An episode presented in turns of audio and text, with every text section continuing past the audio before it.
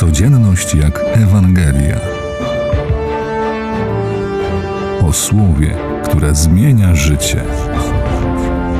Przedstawia ksiądz Marek Weresa.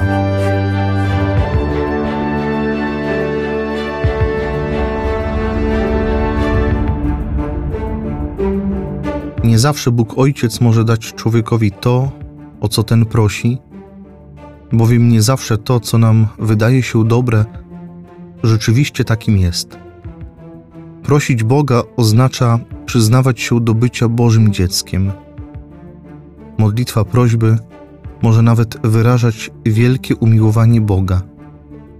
Powinna być ona oparta na miłości, a więc także na zaufaniu, że Bóg da to, co dobre, a nie na bezwzględnych oczekiwaniach.